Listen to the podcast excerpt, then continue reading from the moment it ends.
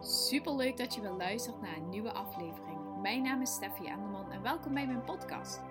Mijn missie is om jou te inspireren op het gebied van zelfvertrouwen, eigenwaarde, durf te staan voor wie jij bent en het krijgen van een positieve mindset. Zodat jij alles gaat bereiken waar je naar langzaam wilt. Zullen we snel beginnen?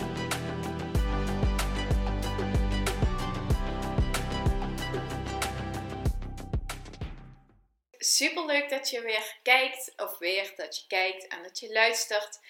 Ehm, dit is weer de eerste keer dat ik überhaupt een podcast of een video opneem sinds echt heel lang geleden.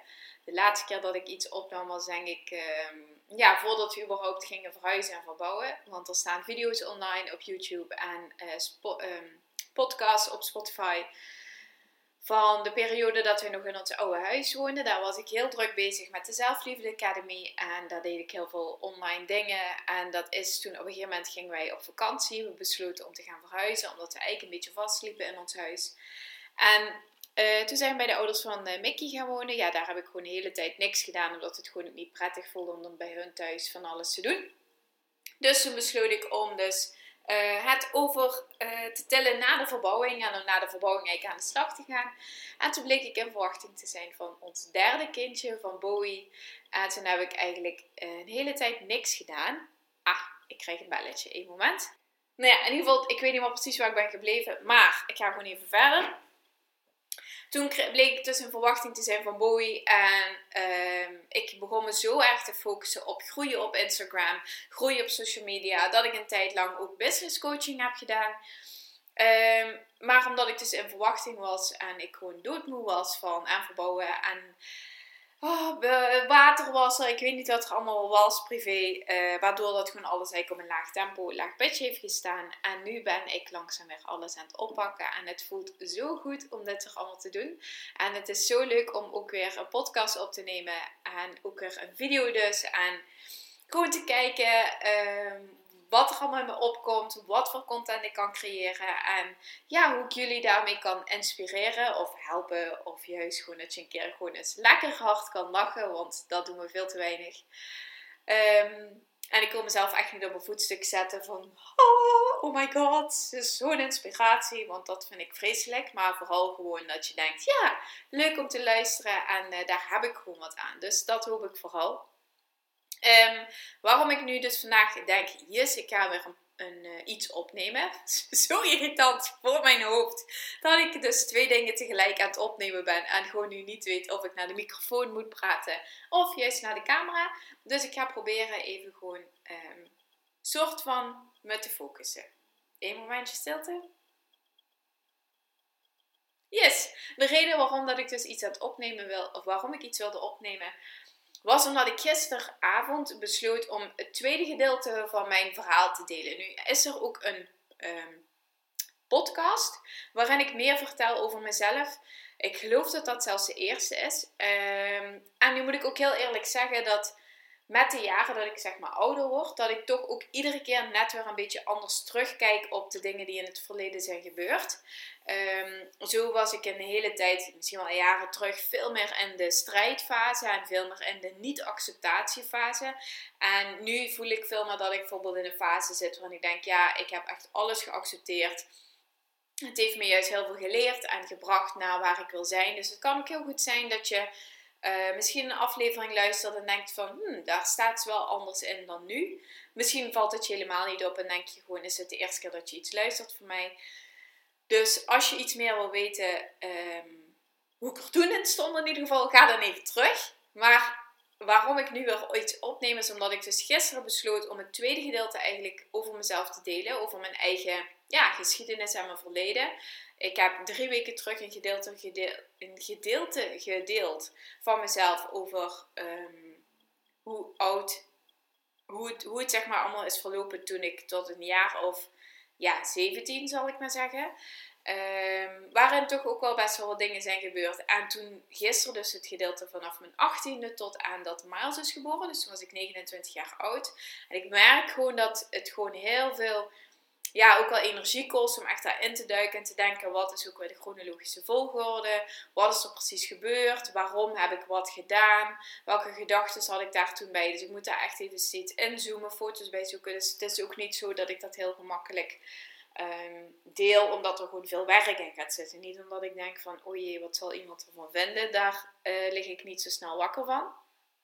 Ehm, maar waarom ik dus mijn verhaal nu dus dit wil, wil verder wil oppakken met jullie, is omdat het mij gewoon heel erg opvalt dat mensen denken van, of reacties geven van jeetje Steffi, wat heb je allemaal meegemaakt en ehm, wat heftig allemaal en hoe, hoe sta je daarin en um, ja, we hadden een verhaal ook. En dan denk ik van, um, ja, zeker. Zeker. Ik zal niet ontkennen dat ik niet niks heb meegemaakt. Maar ik geloof oprecht, heel lang dacht ik dat ik de enige was. Maar ik geloof echt oprecht dat als je heel eerlijk gaat kijken naar je eigen leven, dat je iedereen maakt shit mee. Iedereen heeft dingen meegemaakt vanuit vroeger, vanuit hoe je bent opgevoed, van dingen op school. De een is gepest, de ander uh, heeft een, nu op dit moment misschien een partner waarbij het gewoon heel stroef en moeilijk loopt. Waarbij je denkt van ja, ik word gewoon beklemd. Misschien uh, kies je steeds de verkeerde werkgevers. Misschien heb je te maken gehad met ja, gewoon een heel toxische omgeving. Bijvoorbeeld een gezin waar van alles vroeger in is gebeurd. Echt waar Iedereen heeft van alles meegemaakt en het gaat er gewoon echt om hoe je daar naar kijkt en hoe je daarmee omgaat. En um, zo ben ik iemand die heel erg veel last kan hebben van, ja, gewoon van dingen in mijn omgeving waar ik niet goed weet hoe ik daarmee moet omgaan. En die, ik ben denk ik ook al sensitief en ik sta ook al open voor heel veel dingen. Zeg maar voor heel veel gevoelens van andere mensen. Ik voel gewoon heel erg veel aan en ik. Um, kies misschien daarin niet altijd de juiste keuze om me wel of niet iets aan te trekken. Maar ik denk ook dat er genoeg mensen zijn die daar een hele andere strategie, kopingsmechanisme voor hebben. Om daar op een andere manier mee om te gaan dan dat ik dat doe. Dus ehm, ja, als je heel eerlijk bent, misschien denk je dan bij mij. Jezus Steffi, wat heb je allemaal meegemaakt? Maar laten we wel eerlijk zijn, iedereen maakt shit mee. En dat is nu precies waar ook mijn Instagram-account, de Zelfliefde Academy, al die podcasts over gaat, is dat je gewoon gelukkiger wordt in je eigen leven. Dat je uh, de regie neemt over je eigen leven. En dat is ook de reden waarom ik deze podcast wilde opnemen, is dat we ontzettend vaak in een slachtofferrol zitten en vaak niet eens doorhebben dat we daarin zitten. Is me in de loop van het jaar ook steeds meer opgevallen, is dat heel veel mensen uh, vastzitten in hun eigen systeem en in hun eigen manier van denken en in hun eigen routine, alsof je als een hond achter je eigen staart aan zit. En dat is natuurlijk ook al zo. Ik doe dat ook. Daarom luister ik heel veel podcasts, daarom luister ik heel veel uh, luisterboeken en lees ik boeken. En daarom kijk ik heel veel um, documentaires bijvoorbeeld over mindset. Maar ik ga ook bijvoorbeeld regelmatig naar een coach. Ik ben wel eens vaker naar een psycholoog gegaan. Om juist uit dat stramien te komen. Omdat ik gewoon voel dat ik steeds op hetzelfde kruispunt kom. En daar word ik dus knettergek van. Maar wat me dus heel erg opvalt. Is dat heel veel mensen dat niet doen. Dat stuk van... Alsof ze zeg maar niet naar zichzelf kunnen kijken of willen kijken. Ik weet niet zo goed wat het is. Daarvoor moet je denk ik ook psycholoog zijn. En ik ben geen psycholoog. Dat is een disclaimer weer. Um, maar wat ik in mijn leven altijd heb gedaan, is dat ik de keuze heb om er iets van te maken. Ik heb de verantwoordelijkheid om, te, om, om iets te doen. Ik kan blijven dwelmen en zitten in de ellende en in de misère en, en allerlei dingen die ik niet prettig vind. Maar de keuze is aan mij om er iets van te doen. En die verantwoordelijkheid heb ik ook alleen maar. Dus ik kan wel heel erg wijzen naar de dingen die in mijn verleden zijn gebeurd. Of dat het zwaar is of dat soort dingen. Maar ook dat zwaar maken, dat, dat is ook een keuze die je zelf eraan kunt, uh, kunt maken. En de betekenis die je dus aan een situatie kunt geven.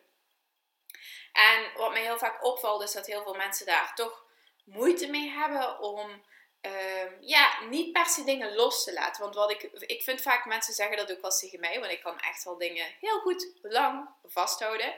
Is dat mensen zeggen: laat het nou een keer los.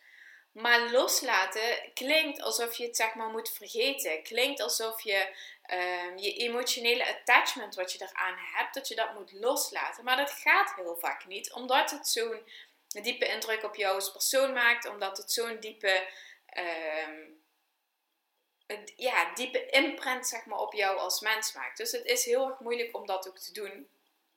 Um, waar het voor mij in essentie om gaat, is dat je voor jezelf de verantwoordelijkheid gaat nemen en de keus gaat maken om van iedere keuze die je in je leven hebt gemaakt, letterlijk iedere keuze, heb jij een verantwoordelijkheid. Jij hebt daarin zelf een keuze voor jezelf gemaakt en een afweging gemaakt wat wel en niet de beste keuze zou zijn.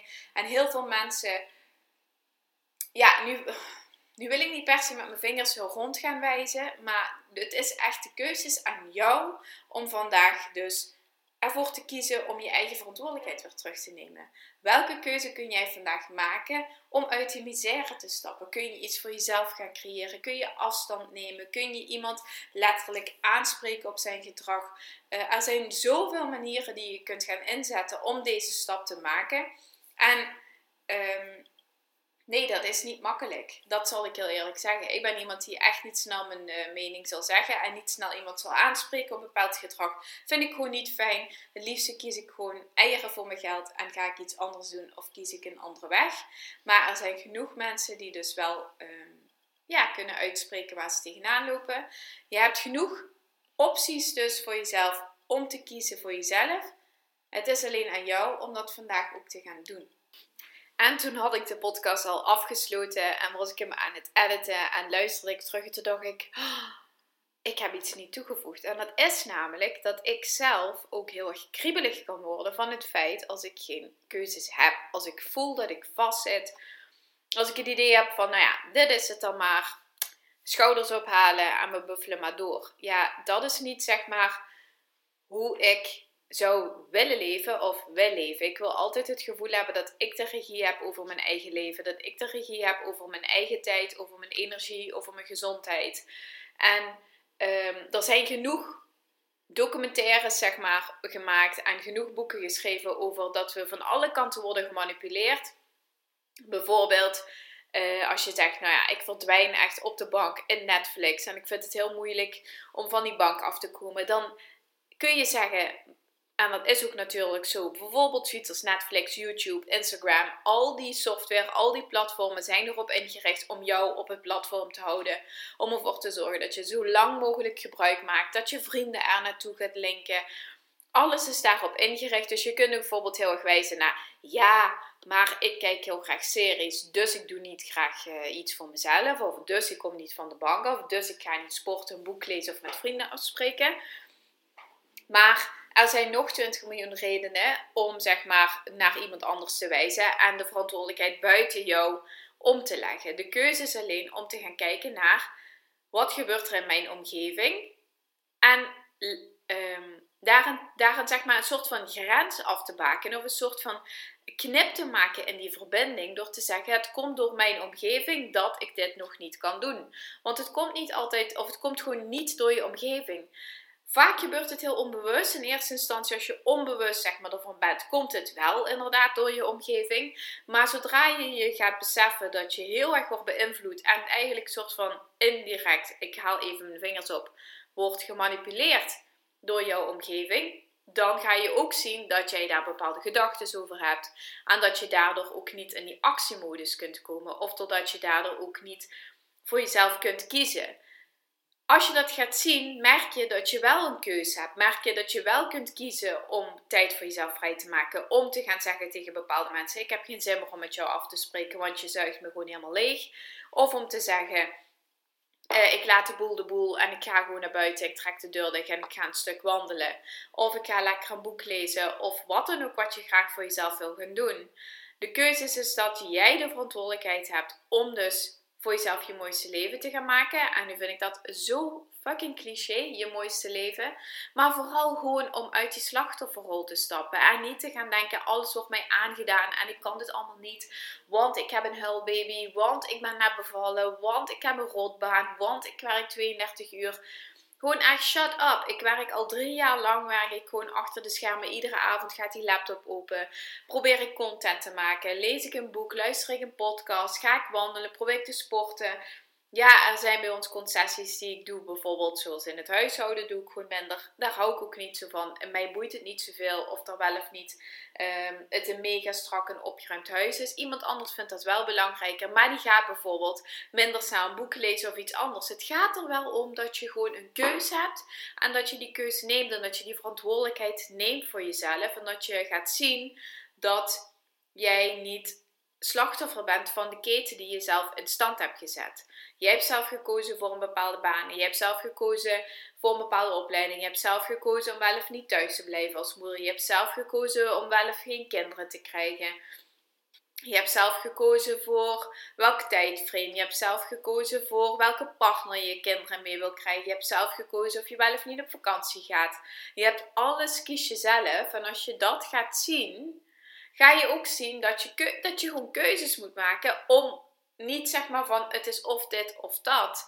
Dat zegt mijn moeder heel vaak van ja, je moet wel keuzes maken. Dat bedoel ik helemaal niet te zeggen, maar het gaat erom dat je keuzes maakt om dichter bij je ding te komen wat je graag wil in het leven. En dat gezegd hebbende, want ik had hem al afgesloten, dat heb je niet gehoord, die ga ik ook gewoon weggooien.